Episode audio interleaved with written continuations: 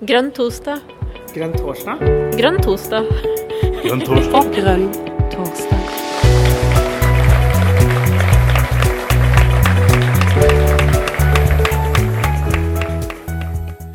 Hei, alle sammen, og velkommen til eh, Grønn torsdag. I eh, dag så skal vi snakke om, eh, om, om beredskap i et grønt perspektiv. Vi har vært heldige og fått både Lage Nøss, som leder programkomiteen, og talsperson Arild Hermstad til å være med oss i dette møtet. De kommer til å få lov til å få ordet først eh, for å kunne si litt om sine perspektiver. Og så eh, har vi fått et eh, lite innspill her som vi skal spille inn. Og så etter det så er diskusjonen relativt fri. Så Arild, du er jo talsperson, så du har selvsagt rang i dette. Kunne du tenke deg å si noen ord? eh, Og det er jo ekstremt kult at eh, Jon og Karina har drevet denne grønne torsdagen eh, i årevis før koronaen inntraff. Det betyr jo at vi også her har jo De grønne et forsprang, da et digitalt forsprang. Dette er den nye måten å møtes på. så det For å være helt ærlig så er jeg litt deprimert av det som helsedirektøren nettopp sa. At det blir han mente vel at eh, ut året så er liksom forsamlinger på mer enn fem personer er liksom ikke tilrådelig, sånn som han så det nå. Eh, og det eh, jeg, tror ikke jeg gidder forholde meg til den informasjonen. Jeg tror vi på en måte bare må tenke at det, han tar feil, og at vi selvfølgelig skal kunne gjøre møtes fysisk, for det er, jo, det er tross alt noe annet. Men eh, vi må, i krisetider så må vi på en måte benytte de mulighetene vi har til å møtes. Så eh, veldig glad for det. Eh, Jeg skal si litt om beredskap. og Utgangspunktet mitt er at jeg har ikke forberedt noen store ting. Det er ikke spesielt programrelevant, men det er litt sånn sett fra eh, akkurat den byrådsposisjonen jeg har nå, først og fremst. Fordi at eh, der sitter jeg som ansvarlig for vann- og avløpsseksjonen i Oslo. Eh, ansvarlig for brann og redning, ansvarlig for eh, renovasjonstjenester. eh, eh, som er ja, i hvert fall tre ting som eh, er ganske samfunnskritisk infrastruktur. Eh, Og så kanskje si bitte litt om kollektivtrafikk også. Men eh, når det gjelder eh, det første I vinter så fikk Oslo kommune laget en oversikt over hva som skjer dersom vannet bare blir borte i Oslo. At vi av en eller annen grunn så blir det forgiftet, eller det blir tørke så langvarig at vi ikke kan bruke vann. Og da hovedsvaret på det, det var at alle skulle reise på hytten. Eh, Det var liksom eh, Det var greia. Eh, Fordi at Oslo ville ikke ha mulighet til å tilby egentlig nesten ingenting til folk i Oslo. Og det er jo statlige, det er sykehus, og det er kongehuset, og det er regjeringskvartalet osv. Så, og så, videre. så det um, Nå har jeg hørt at det å reise på hytten det er jo ikke noe særlig bra. fordi at det, når det er en pandemi, så har ikke helsevesenet kapasitet til å håndtere det som skjer der. Eh, og det tror jeg liksom er en av de store lærdommene. Da, at når det først skjer kriser, så kan det skje flere ting samtidig. Altså Får du en pandemi samtidig med en langvarig tørke, og folk ikke kan vaske hendene sine. Det er jo litt sånn som man opplever i flyktninger altså, i tørre strøk eller i områder med lite tilgang på ferskvann allerede. Det er jo dette er krise. Men det er jo for å være helt ærlig, så selv om vi har god kriseberedskap i Oslo, så har ikke vi noe man har ikke noe kapasitet eller fantasi til å på en måte skjønne hva dette her kan bety på lang sikt. Eh, Så vannforsyning er viktig, og det er også sånn at vi har veldig mye digitale systemer på vannsystemene, så det er veldig avhengig av at noen få mennesker holder seg friske og ikke blir syke samtidig. Så den nøkkelkompetansen man har, og jeg regner med at dette er ganske likt i hele landet, at med alle de eh, digitale styringssystemene vi har, så det, eh, skal det ikke så mye til at noen sånne folk blir syke samtidig.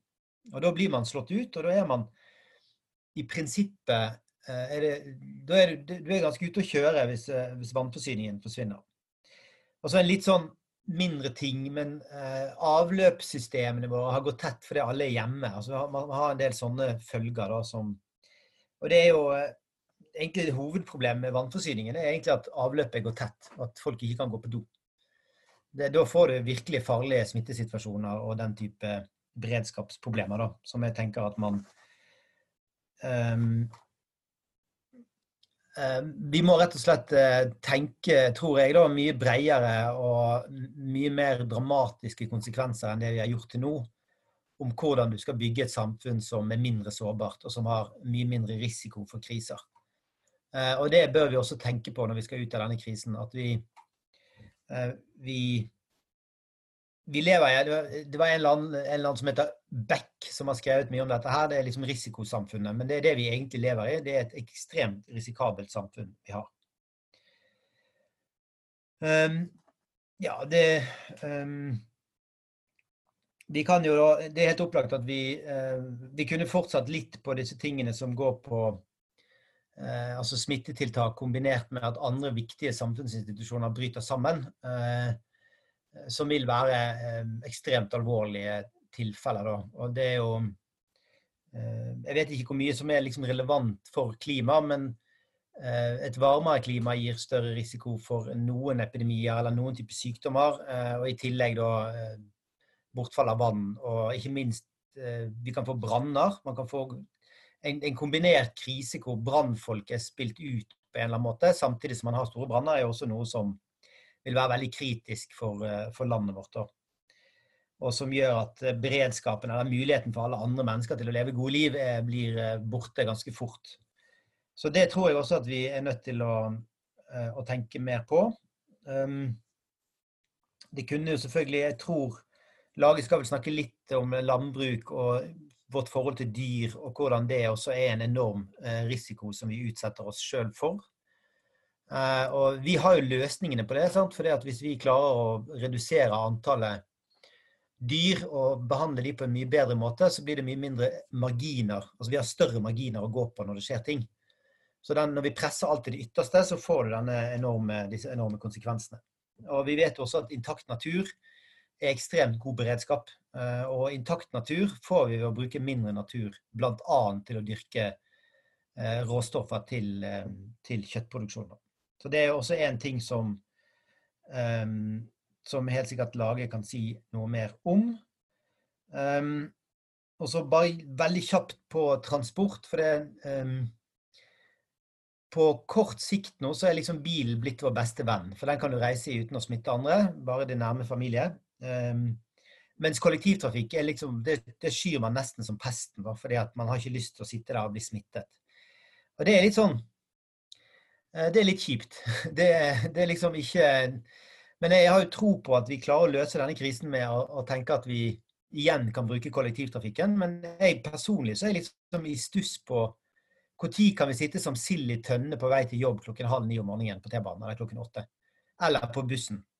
Eh, det er jeg ikke sikker på om, om eh, Eller taxi fyller opp drosjebiler eller andre biler for å frakte folk sammen. Og det er jo en det er en ulempe. En fordel er jo at veldig mange har begynt å lære seg disse digitale plattformene og skjønne at du trenger ikke være på jobb akkurat klokken halv ni hver dag og gå hjem klokken halv fire. Eller hvor de man går hjem. Man kan på en måte forlenge eller forkorte dagen eller sitte hjemme noen dager og likevel ha veldig god interaksjon med de man jobber med, så lenge du ser de av og til.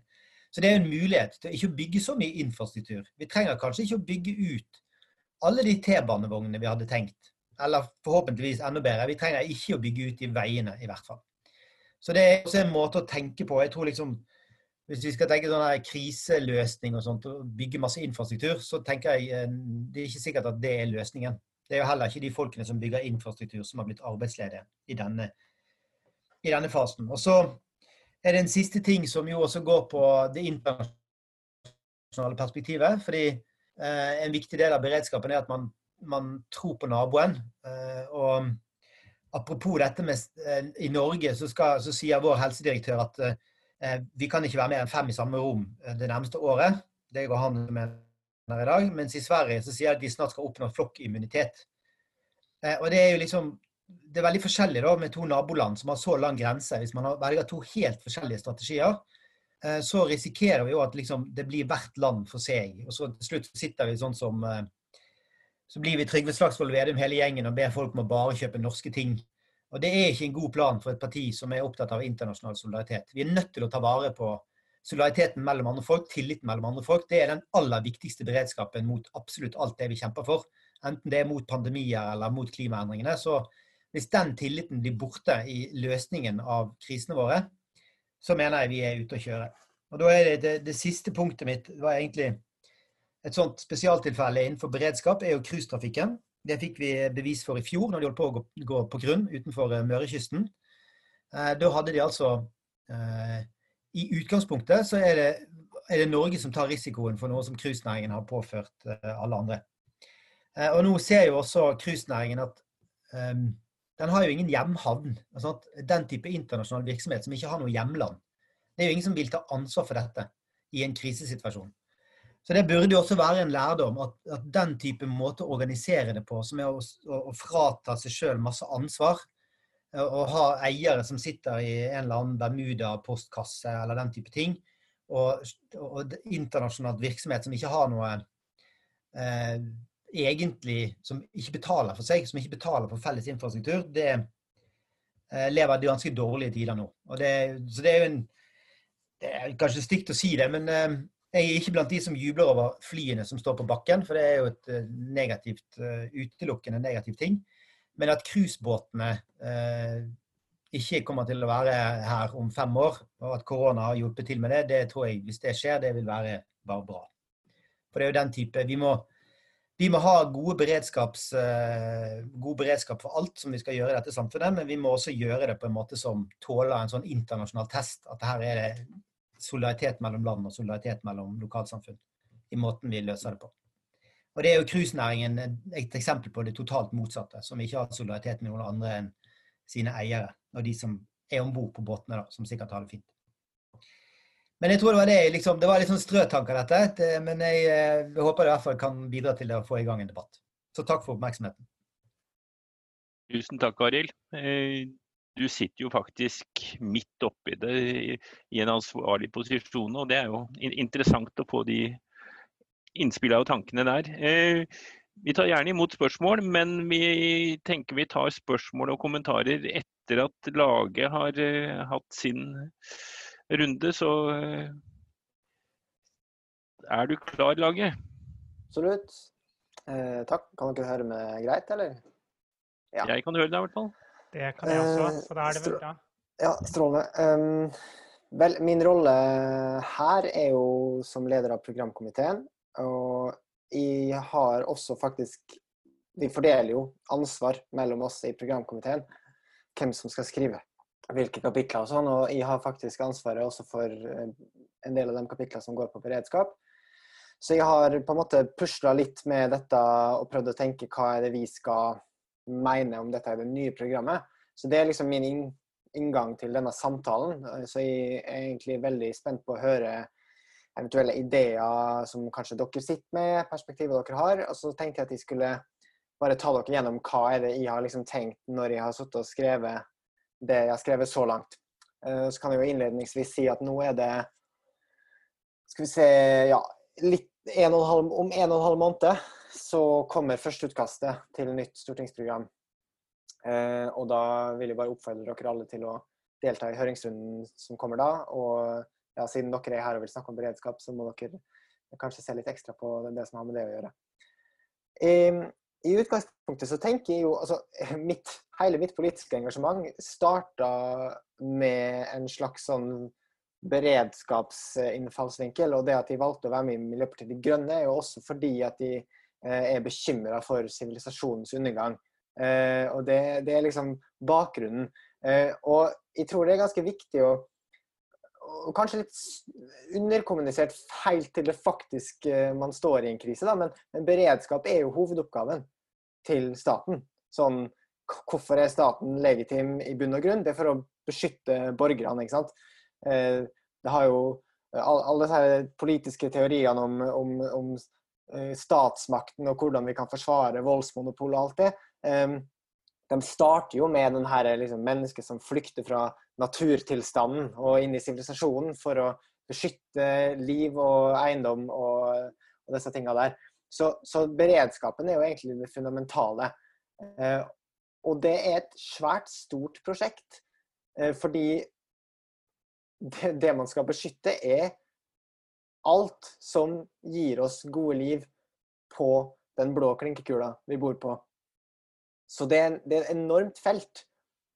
Eh, og den, når jeg liksom skal liste det opp, da det er liksom, Vanligvis tenker man jo på krig som kanskje er liksom første sånn eh, Og der har man tydeligvis forsvarspolitikken. Det er jo et eget, et eget felt. Forsvars, forsvars, sikkerhets- og fredspolitikk. Og så kommer terror og kriminalitet inn i det hele. Eh, det er ikke så aktuelt i Norge, men sånn politisk uro og bare revolusjon, samfunnsomveltninger, er jo også noe som man må ha en beredskap for, fordi de kan forstyrre eh, samfunnets normale funksjon. Så er det pandemier som det vi står i nå. Eh, og så har man litt mer mundant, kanskje, men brann. ikke sant? Altså brannvesenet.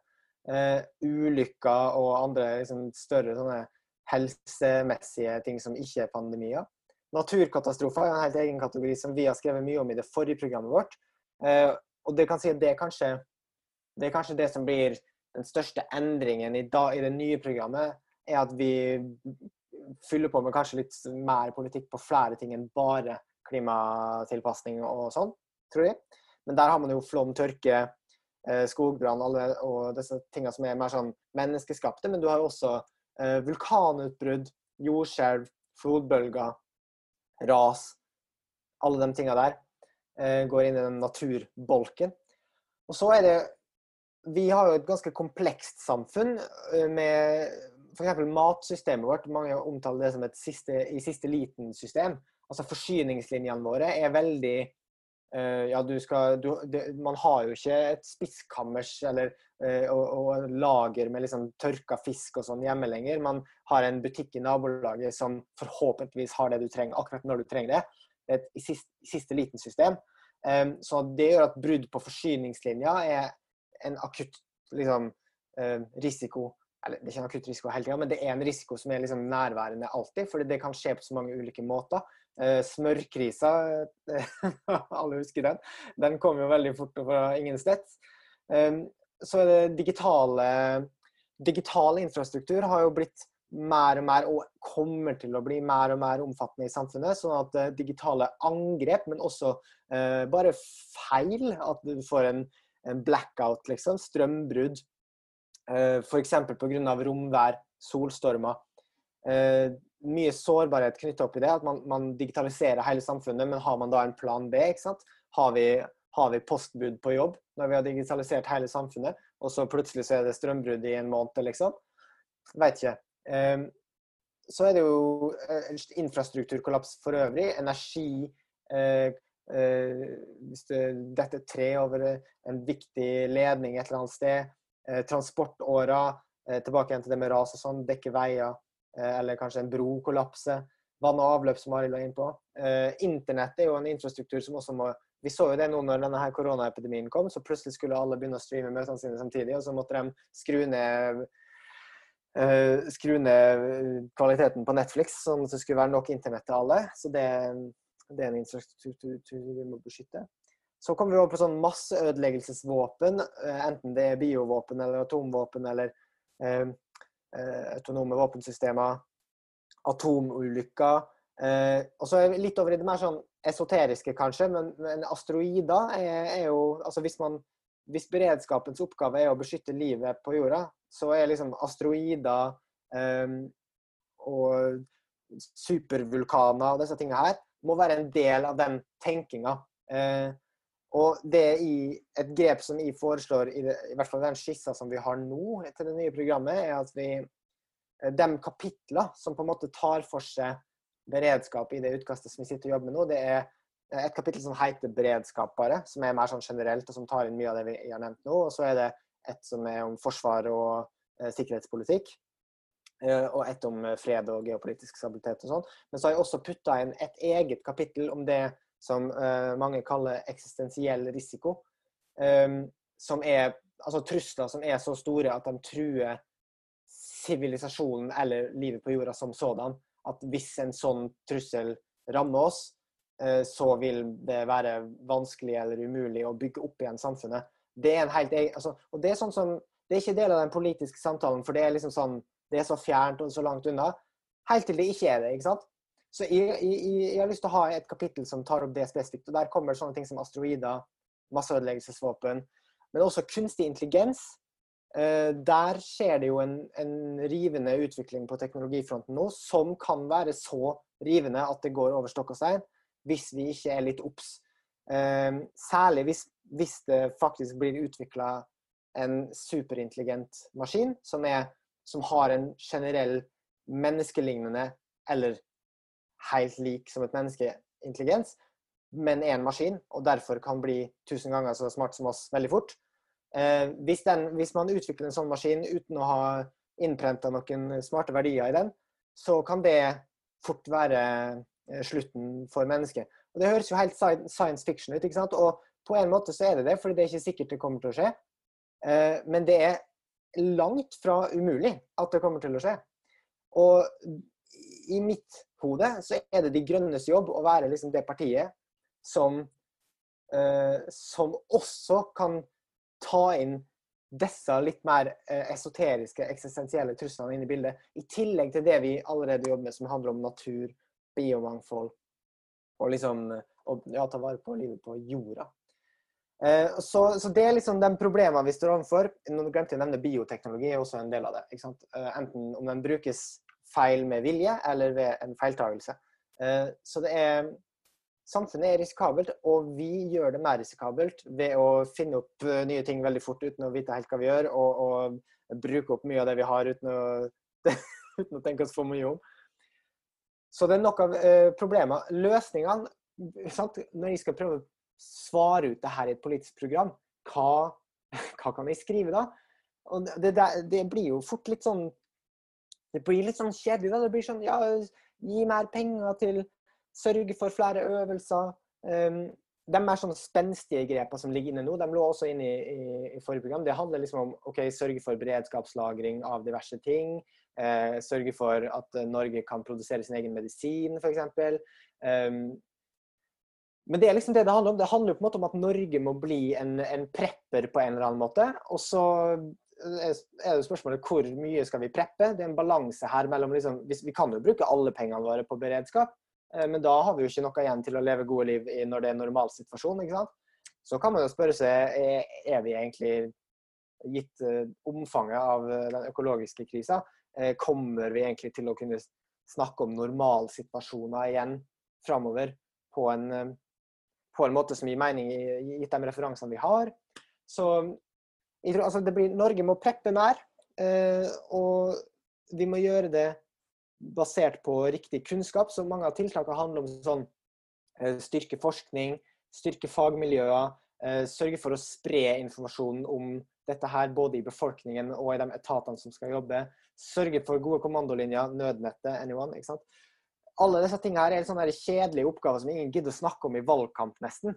Man snakker om den rett etter en krise, eller når det er en krise. Og så med en gang normaliteten kommer tilbake, så, så er det fort gjort å glemme det.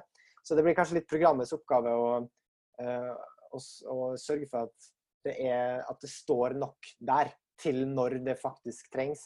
Og kanskje også sånn at man det med å forebygge kriser i det hele tatt er også veldig viktig. Å sørge for at det ikke trengs sånne ekstraordinære tiltak i den grad det er mulig.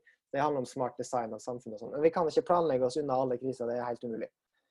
Um, Arild var inne på det her med uh, dundre mindre framfor, altså dundre mindre framover overfor dyr og natur, bevare mer intakt natur. Uh, det kan være fornuftig beredskapsperspektiv.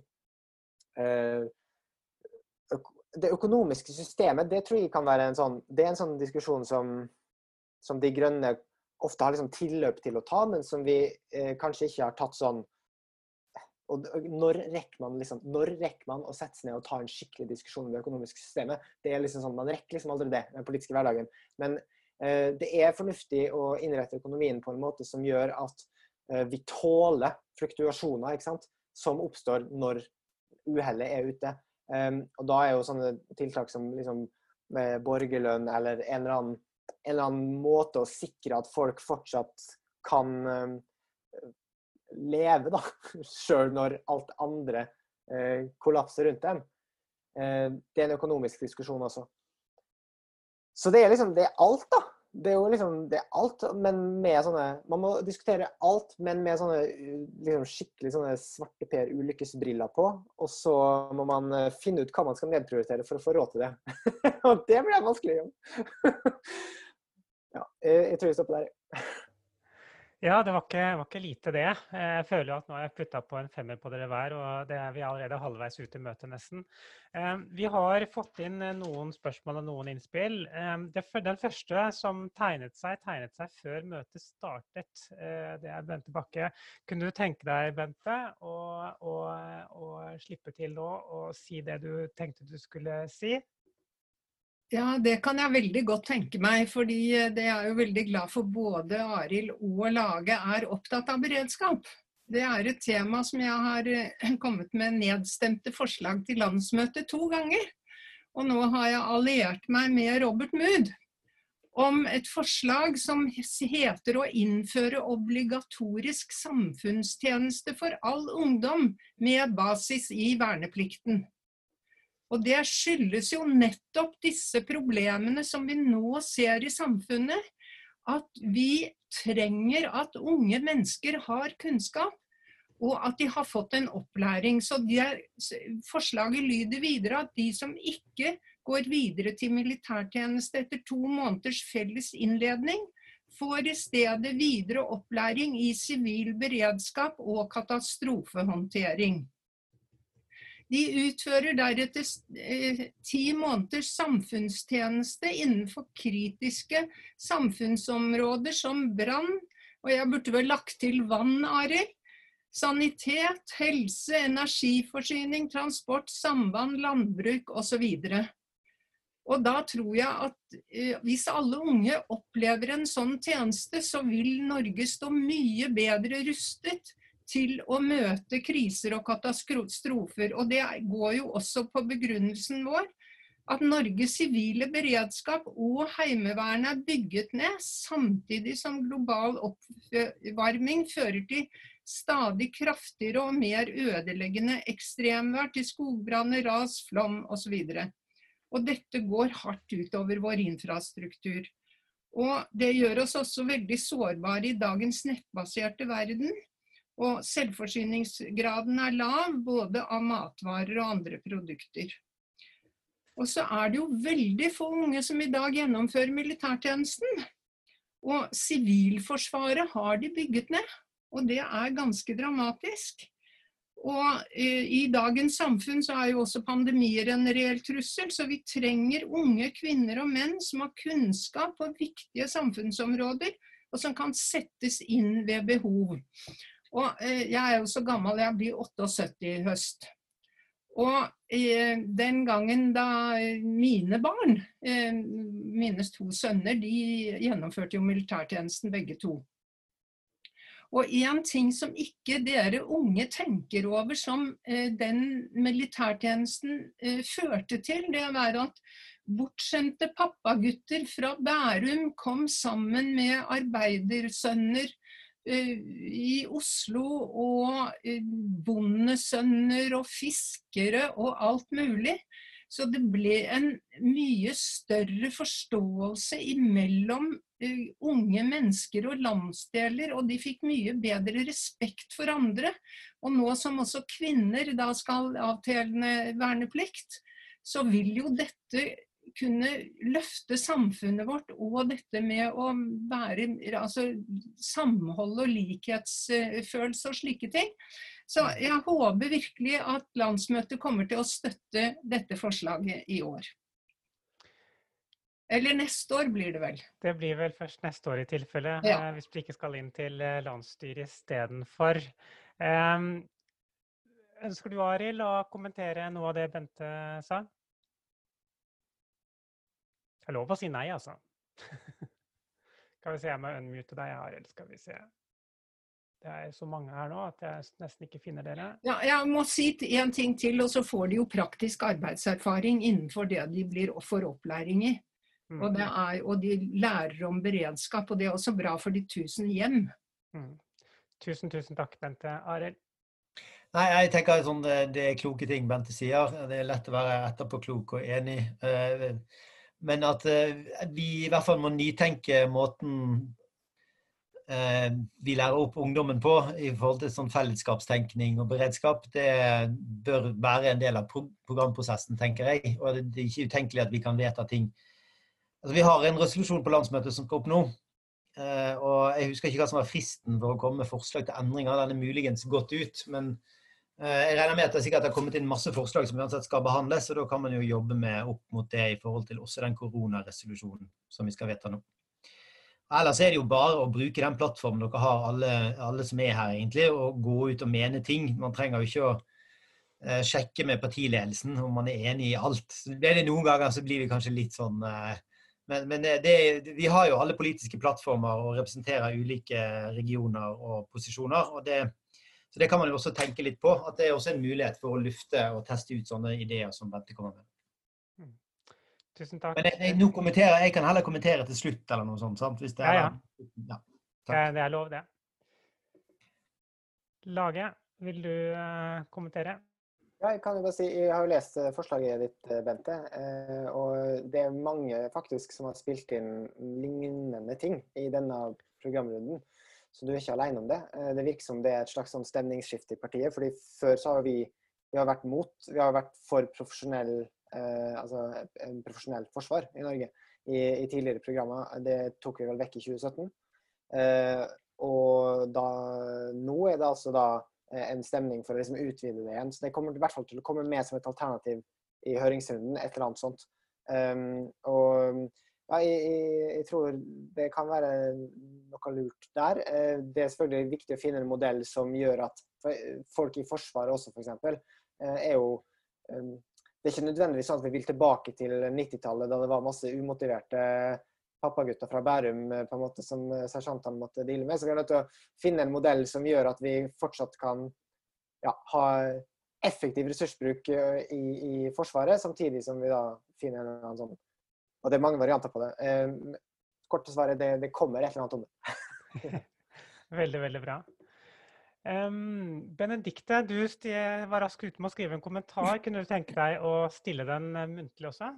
Ja da, jeg kan stille den muntlig, og nå er det blitt um, ytterligere aktualisert av lages uh, nok en gang ypperlige, lange, dystopiske innlegg om alt vi, vi kan risikere å stå overfor. Um, så, for Poenget mitt med den kommentaren var jo nettopp det at eh, det er fryktelig vanskelig å se for seg hva er den neste utfordringa. Vi, vi bygger forsvar og vi bygger beredskap ut fra hva som var, eh, har vært situasjonen tidligere. Altså, vi, ingen kunne forestille seg 22.07. Vi kan ikke, vi, ingen kunne forestille seg at vi skulle kanskje nå muligens gå et helt år hvor vi ikke får lov å være mer enn fem og fem om gangen. Eh, Så det er fryktelig vanskelig å skulle forutse hva som er neste, neste krise. Men når det er sagt, så driver jo alle kommunene f.eks. Har, har jo veldig omfattende planverk for disse tingene. Og de er omfattet både eh, villede uheldige Eller altså, hva heter det for noe eh, altså terrorhandlinger, det er, det er skred og flom og alt dette der, sånn har vi jo handlingskort på og, og, og øvelser i og i det hele tatt. Så det er jo et veldig stort beredskapsarbeid der ute allerede. Men det er veldig kult nå om vi klarer å lage en At vi er et parti som klarer å synliggjøre hvordan vi skal være mindre sårbare. For er det noe som denne pandemien har vist, så er det jo at vi er det. Og da har jeg bare lyst til å knytte en kommentar til også til det Bente trakk fram. Jeg har veldig sånn sympati for det, og jeg tror at det er en kjempe samfunnsverdi som ville ligget i en sånn samla eh, Hva skal jeg si for noe? Dannelsesreiseår for, for unge mennesker, hvor de både får et innblikk i fag og sammenhenger og kunnskap som de ikke har hatt før. eh, Og som eh, da gagner landet og nasjonen og dem selv. og i det hele tatt. Så jeg tenker at det blir veldig veldig spennende hvis eh, partiprogrammet vårt nå kommer til å omfatte noe i den gata. Det vil jeg, gleder jeg meg veldig til å se. Takk. Takk, Benedikte. Eh, Vi holder oss på nede på Jeløya, tenker jeg. Eh, Om eh, Birgitte kommer som neste, og så er det Svein som er etter Birgitte igjen. Ja. Ja, tusen takk. Um, tusen takk til eh, Arild og laget for eh, spennende innledninger. Det var i hvert fall spennende nok til at jeg fikk tusen tanker i hodet og måtte klore ned noen kommentarer uh, og innspill i full fart. Ehm, jeg, jeg, tror jeg skal ta det litt sånn bakfra fremover, faktisk. Ben, først vil jeg bare en veldig kjapp kommentar til Benedicte om at ingen kunne forestille seg denne pandemien. Men det kunne altså Direktoratet for samfunnssikkerhet og beredskap. Eh, problemet er at eh, regjering og storting ikke har hørt på dem og ikke tatt det til følge. Det er det som er hovedproblemet med det som har skjedd nå. Uh, og så uh, må jeg bare si bitte lite grann. Altså, jeg er jo Anne Cecilie og jobber i sykehus. Og i dag har jeg vært uh, på det store sykehuset som er eh, pandemi eh, med koronakohorter eh, her i Østfold.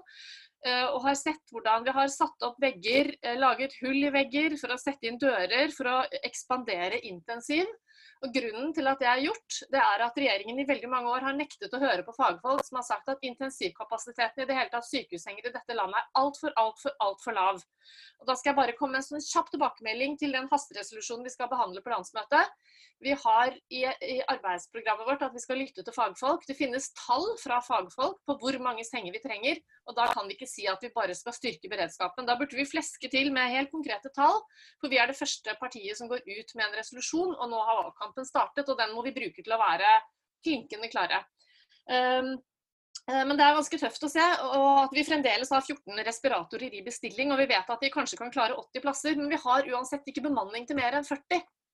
Men bestillingen fra Helsedirektoratet og helseministeren er altså 80 intensivplasser. Vi har ikke bemanning til mer enn 40. Og Det gjør at jeg skal inn i morgen for eksempel, og pusses rusten av, fordi det er tolv år siden jeg har satt mine ben i en respirator. Jeg har jobbet med andre deler av anestesifaget. Eh, jeg har ikke vært på intensiv på ti år, eh, og det skal jeg eh, gjenoppfriske nå. Så det vil være forskjell på hvem folk får når de kommer inn på intensiv. Får de en supererfaren intensivist, eller får de en som man har pusset rusten av? Eller får de en sykepleier fra ortopedisk avdeling som har lært det helt basic nå i starten? Og Det leder meg også inn til å kommentere veldig kort på hva vi lærer av denne krisen, og Sveriges og Norges veldig forskjellige håndtering av den. Det er mange nå som sier at folkehelseproblemene er mye større med tiltakene mot koronakrisen nå enn det det ville ha vært hvis vi satset på flokkimmunitet. Vi vet ikke om det blir flokkimmunitet, for vi vet fremdeles ikke i hvilken grad vi kan bli immune mot koronaviruset. Det er en stor utfordring. Den andre utfordringen som vi har diskutert mye på jobb, det er hvis vi hadde satset på flokkimmunitet, så hadde vi brutt sammen. Helsevesenet vårt hadde rett og slett brutt sammen. Og Det hadde ikke bare rammet de med korona, men da kunne små barn med blindtarmbetennelse risikert å bli operert for sent og hadde fått bukhinnebetennelse også i mellomtiden. En som føder kunne føde et, kunne, altså Både mor og barn kan miste livet hvis helsevesenet bryter sammen. Folk får ikke operert ut kreftsvulsten før den har spredd seg osv. Så sånn at det handler ikke bare om koronadødsfall, men veldig mange andre også, hvis helsevesenet faktisk bryter sammen. Og dette har vi varslet om i helsevesenet i mange, mange, mange år. Til og med da jeg satt i i eh, katastrofeutvalget i Tromsø i 2005, det er altså 15 år siden, så sa vi fra om problemer med forsyning på vann og strøm til sykehus. Og apropos digitalisering, laget.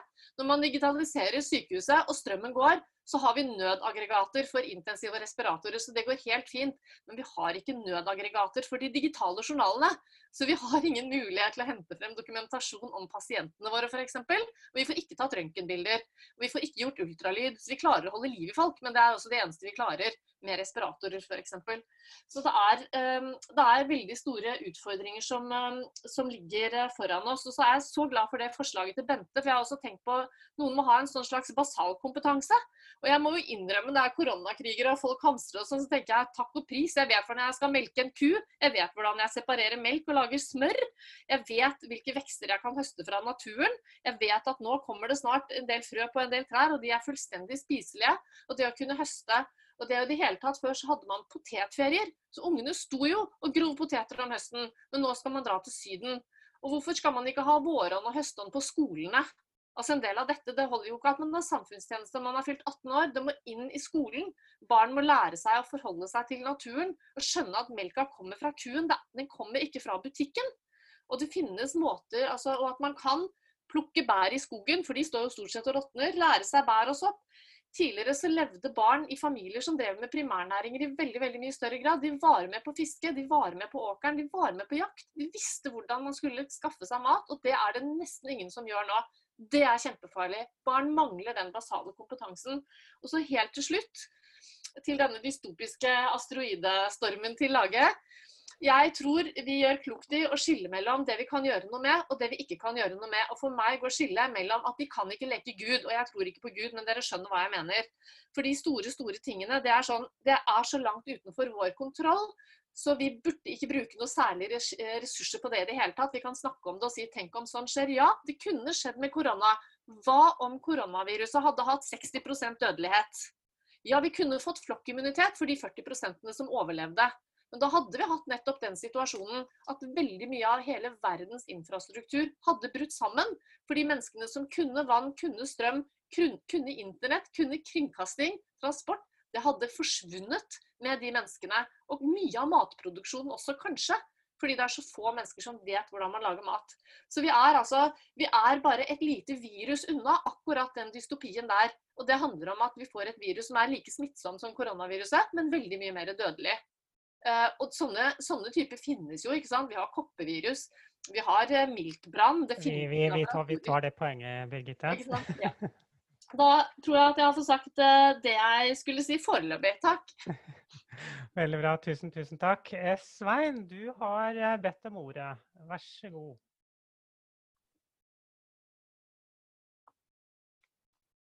Skal vi se Der, ja. Ja, takk skal du ha. Hei alle sammen. Ja, dette er da Svein. Jeg sitter i Stavanger.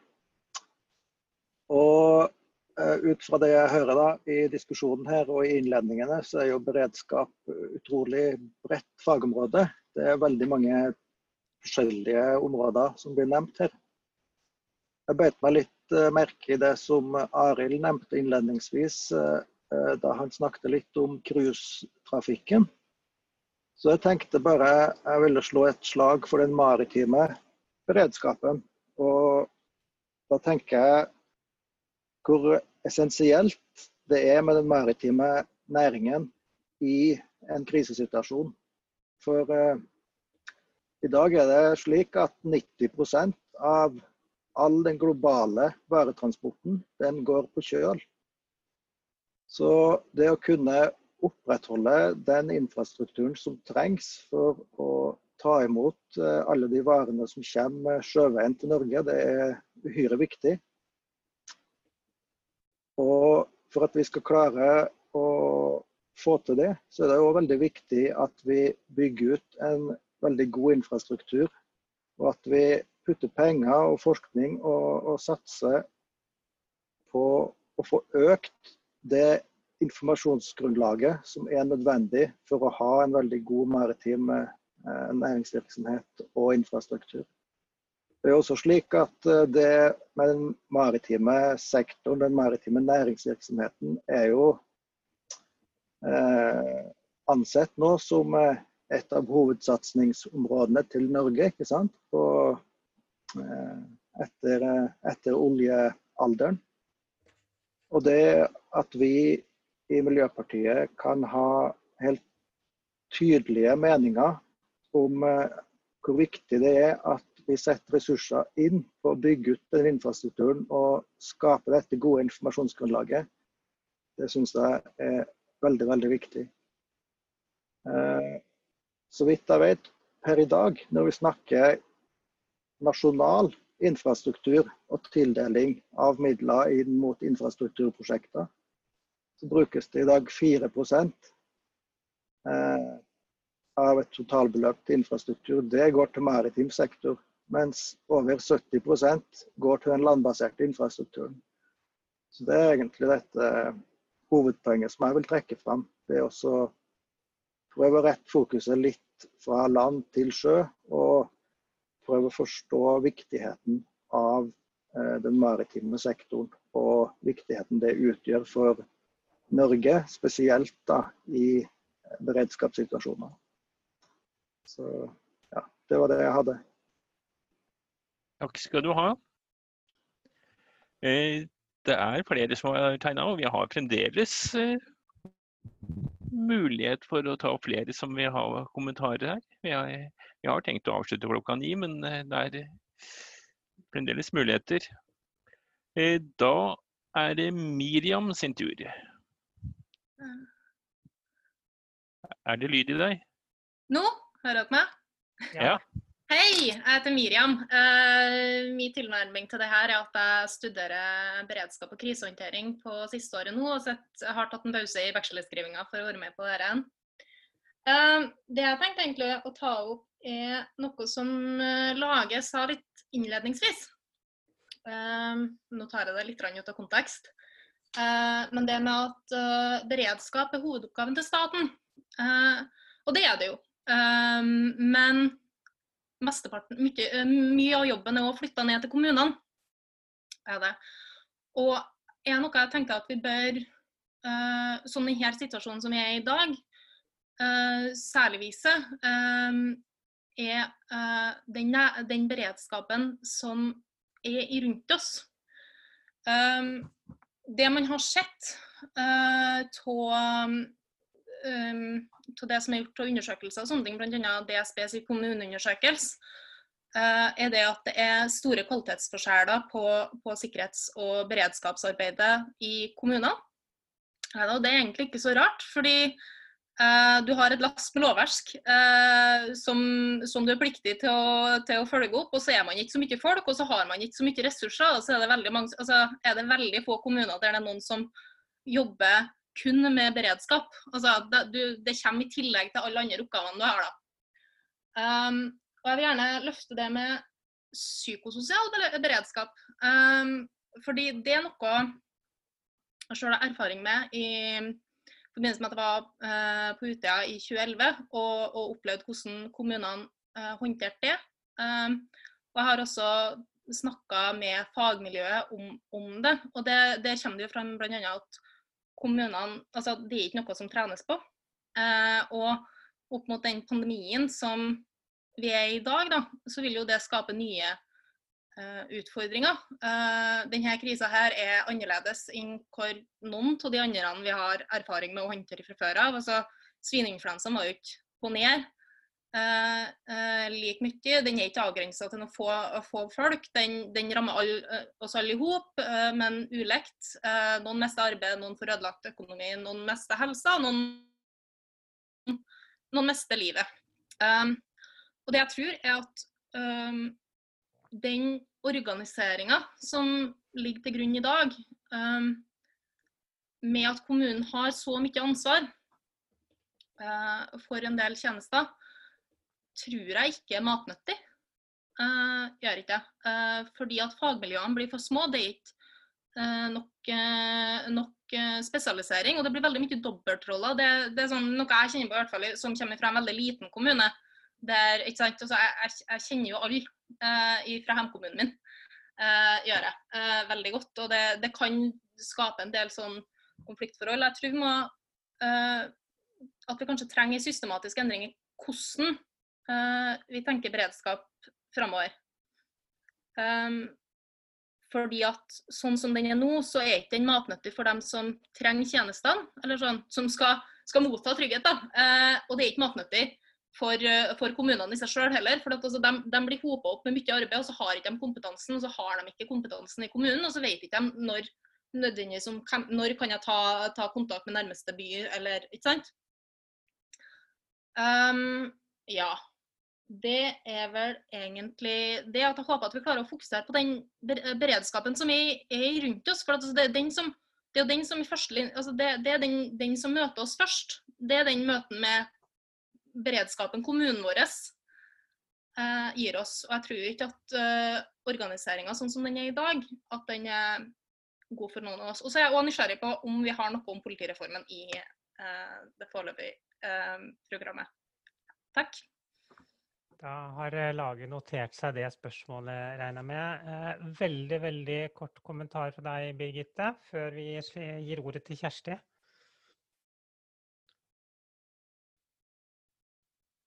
Helsevesenet, og det er at alle tenker at omsorg det er noe for helsevesenet. Og på samme måte så er liksom oppdragelse for barn det er skolen som skal overta. Eh, så det er en sånn voldsom institusjonalisering av oppgaver som tidligere har ligget til familien og slekta og nærmiljøet. Uh, og jeg tror jo nettopp at MDG sin sekstimersdag og fokus på tid fremfor penger vil styrke en del av det, også det psykososiale. Fordi det vil styrke nærmiljøet. Mennesker er mer til sammen, kjenner hverandre bedre. Samme som uh, Eivind Hoffeli Maria snakket om compassionate throne, f.eks. Uh, hvis dere ikke kjenner til det, så google compassionate throne. Uh, det er små lokalmiljøer som blir flinkere til å se mennesker som trenger hjelp. Så jeg tror at vi har så mye MDG som styrker nettopp det. Og så må man overlate det helt ekstraordinære, sånn som Utøya og um, de som også overlevde Scandinavian Star og andre sånne store, store ting. Uh, for ikke å snakke om uh, veteraner fra Forsvaret som kommer hjem. De trenger spesialkompetanse. Men veldig mye av den dag-til-dag vanskelige, der kan vi bli så utrolig mye bedre. Uh, og det er nå i koronakrisen så er det noen barn som får det fryktelig mye verre fordi de ikke har gode hjem. Men de som er i gode hjem, de har hatt veldig godt av, sier mange, å være hjemme fra skolen. Få mye mer tid med foreldrene sine. Finne roen. Bli, være sammen med flokken sin, rett og slett. Da. Sånn at er, eh, jeg tror at MDG sin politikk vil styrke mye av det. Og da for de som skal drive offisiell omsorg eh, og oppdragelse og beredskap de får mer tid til å gjøre det de skal, uten å måtte overta det som flokken i utgangspunktet burde kunne klare. Takk skal du ha. Eh, Reidar, du eh, kom inn her og også ba om en type replikk til, eh, til eh, Kjersti, men du får det etter at Kjersti har pratet. Vær så god, Kjersti. Jeg hører dere meg nå? Helt nydelig. Ja, så bra. Jo, jeg lurte litt på om dere har hatt om de har tatt et skråblikk til EGP sine eh, sikkerhetsmessige eh, ideer. Da tenker jeg spesielt på nasjonal eh, IT-plattform, eller sånn webplattform, som de har vært veldig fokusert på for et år eller to siden. Det var et spørsmål. Hvem kan svare på det spørsmålet? Eh, svaret vi har ikke, Jeg har ikke snakka med dem direkte om det, nei. Ennå. Men eh, bra tips. Kan gjøre det. dere trenger ikke snakke med dem, dere kan jo bare se på resolusjonene sånn som ligger på nett. Alt ligger oppe på nett. Så det er bare tar og skanner gjennom det og se om det er noen gode ideer. Supert. Tusen takk, eh, Kjersti. Vær så god. Reidar, rask kommentar til Miriam. Skal vi se. Har du uh, fått unmute deg? Nei, det har du ikke. Nå har du ordet. Ja, hei alle sammen. Det er uh, faktisk første gang jeg er her. Det er veldig hyggelig å, å, høre på, og det er veldig spennende. Jeg fikk litt til Miriam at jeg jobber som privatpraktiserende psykolog og var psykolog etter Utøya. Og har møtt på en del av de uh, ungdommene og, og, også familiene. Det som er noe av problemet, Miriam, det er at, du, at du nå sier at spesialisthelsetjenesten bygges ned. Og så er jo ideen at kommunene skal bygge opp og overta noe av det ansvaret som spesialisthelsetjenesten har. Men det blir ikke gjort. Det har ikke kommuneøkonomi til. Og en del av de fagfolka som sitter og jobber med en del av disse eh, traumatiserte ungdommene, da, det er ikke alltid har kompetanse, eh, til å gjøre det. Så det er veldig mange av de etter Utøya som ikke har fått den nødvendige hjelpen som de behøver. Så det jeg tror at vi må også liksom sette oss ned i, i, eh, i um, god MDG-ånd og, og, og tenke kunnskap. Hva slags kunnskap er det vi har, og hvordan skal vi kunne legge til rette da, for å møte de og andre på en best mulig måte. Og så bare en liten kommentar til Bente. Jeg syns at det var veldig spennende. Da jeg var ung, så var det sånn at skulle man begynne på førskolen eller på sykepleien, så måtte man ha praksis først. Man måtte ut i praksis. Nå er det sånn at uh, veldig mange ungdommer de går rett fra videregående skole og rett inn på, uh, på høyskoler og universiteter uten å ha noe livserfaring i det hele tatt. Så det med et, et dannelsesår ikke sant? og et år uh, fri fra mor og far før man liksom gir seg inn i de store livsprosjektene, det tror jeg kan være nyttig det er spennende å tenke mer rundt.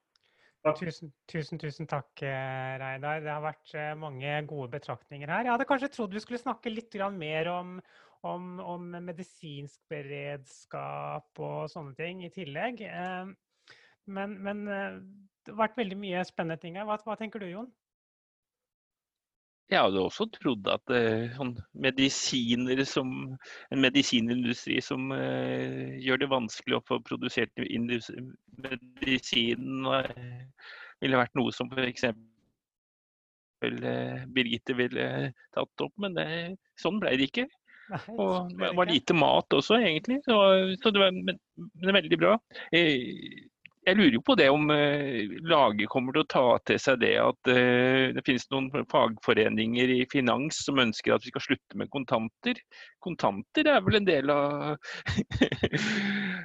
av eh, beredskapen, vil jeg, vil jeg tenke. Men nå har vi fire-fem minutter igjen, og da er det vel på sin plass at Lage og Arild får muligheten til å oppsummere litt. Og Arild må vel bli til slutt, så han både starter og slutter. Han ser litt trøtt ut nå, men det ja. Lage, Ja, nei, jeg vil bare si eh, takk for da det. har, har du ordet. Ja. Å ja, hører dere det? Ja da, vi hører deg. Ja. Okay, ja.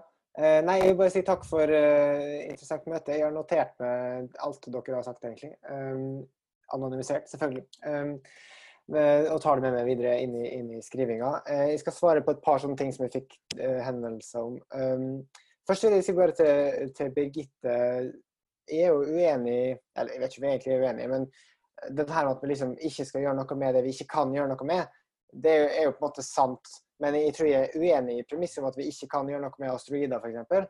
Eh, det kan vi. Og det som jeg foreslår i programmet, er jo bl- blant annet at vi skal støtte opp om EU sitt HERA-prosjekt, som handler om å observere eh, fremmede legemer og lage strategier for å eventuelt avstøte og flytte dem. Og det kan man jo gjøre. Og hvis man kan gjøre det, så bør man jo gjøre det. For det hadde vært eh, mildt sagt krise hvis det, eh, alt liv ble utsletta på jorda. Det hadde faktisk vært ekstremt krise. Det er faktisk den verste krisen. Og den må vi unngå for alt det, må koste, tror jeg da. Um, og så er det, om det står noe i programmet om politireformen Jeg har ikke full oversikt over hele programmet på denne delen av prosessen ennå. Jeg kommer til å ha det om to uker. Men eh, jeg tror det står noe sånn generelt om å, at vi skal eh, vurdere å rulle tilbake eh, mislykka sentraliseringsreformer eller et eller annet sånt. Men det er ikke ferdigtygd. Eh, og, det, og, og Halvard har skrevet ganske mye om politi, så jeg skal, jeg skal gå inn og, og sjekke på det. Um, og var det flere spørsmål? Kontanter, eh, godt innspill, det skal jeg ta med meg. Og matproduksjon må vi selvfølgelig ha. Altså matsikkerhet, statlig produksjon av medisiner, det ligger inne. Um, Oppfordringen er egentlig bare når førsteutkastet kommer, send inn høringssvar, så kommer det til å bli veldig bra. Og antagelig litt dyrt, så vi må også finne ut hvor vi skal kutte. det har vi ikke snakka noe om. Det er mye vi ikke har fått pratet om her. Også global smitteberedskap kunne vært et godt eh, tema. Eh, Arild? Ja, jeg vet ikke om jeg har så fryktelig mye å legge til. Jeg må innrømme at jeg eh, driver og forbereder meg til tolvte møte i forhandlingsutvalget til Oslopakke 3, som vi har møter hadde møter i går, vi skal ha forhandlingsmøte i morgen og på mandag, og vi har masse sånne møter som foregår innimellom. Eh, Så jeg skal ikke gå i detalj om det, det er ganske enerverende greier. Men et par ting. eh, Jeg ser at noen hadde skrevet noe om antibiotikaresistente bakterier. eh, Og det er jo også en sånn ting som forskerne har advart om i fryktelig mange år. eh, hvor Um, apropos landbruk, så har Norge en ganske god record på det. Så vet vi at land som Italia og Spania er ganske dårlige på det. De bruker fryktelig mye antibiotika i landbruket. Og så vet vi òg at tilbøyeligheten til å bruke antibiotika i hverdagen er mye større. At man behandler mye mye mer med antibiotika enn det vi gjør i det norske helsevesenet. Så det er jo også eh, noe med å gjøre ting riktig. Um, eh, og det eh, Jeg tror jo det altså, Nå har vi en pause i økonomien. Vi kommer til å falle med 6% i år. Det er fryktelig dyrt når du begynner å regne det opp. Men så må man jo spørre seg sjøl om liksom Jeg er jo ikke for det, men samtidig så må man spørre seg sjøl om skal vi måle alt i penger. Altså skal vi Det vi gjør nå, er at vi har en økonomisk pause på masse ting som vi utmerket godt kunne vi holdt på med, med restauranter og kafeer og sånn.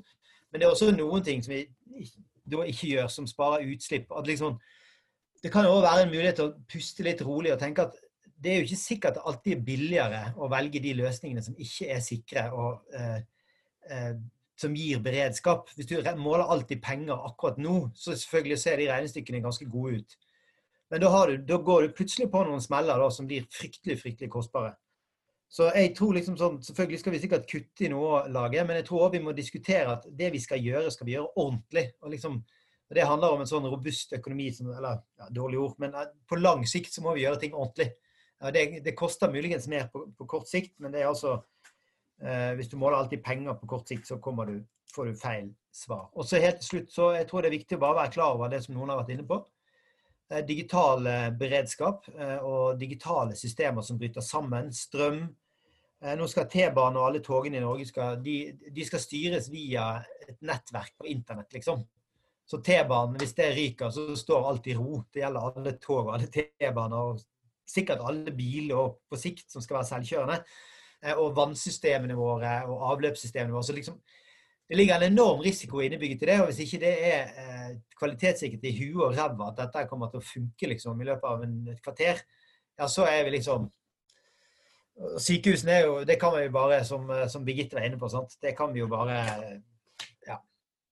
vi bør ikke tenke så mye på det, men disse tingene må vi lage robuste og ordentlige systemer for.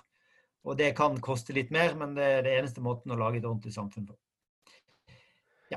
Så eh, stå på alle sammen. Veldig hyggelig å få lov å snakke så mye. Eh, til så mange flotte folk. Eh, og jeg gleder meg til vi ses igjen på Zoom. ja, det, det, det, det, gjør vi også. Så tusen takk til deg, Arild, og tusen takk til deg, Laget. Og også tusen takk til dere 41 andre som har vært med på møtet i dag. Det har vært ordentlig, ordentlig trivelig. Jeg syns det har vært en god diskusjon og en god samtale. Jon, hva tenker du? Det er jo veldig mange flotte mennesker. Jeg la spesielt merke til en katt som uh, Sten Inge hadde gående på bordet sitt. Det forstyrra meg litt.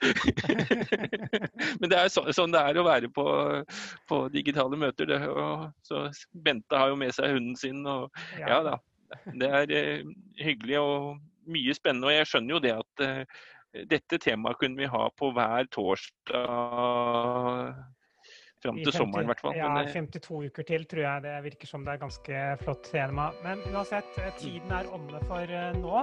Det blir grønn torsdag neste torsdag også. Temaet er ikke helt bestemt, men ser ikke bort fra at det er en passe relevant tema knyttet opp mot beredskap eller korona eller noe tilsvarende. Det er fremdeles. Så mm, vi håper jo at flere av dere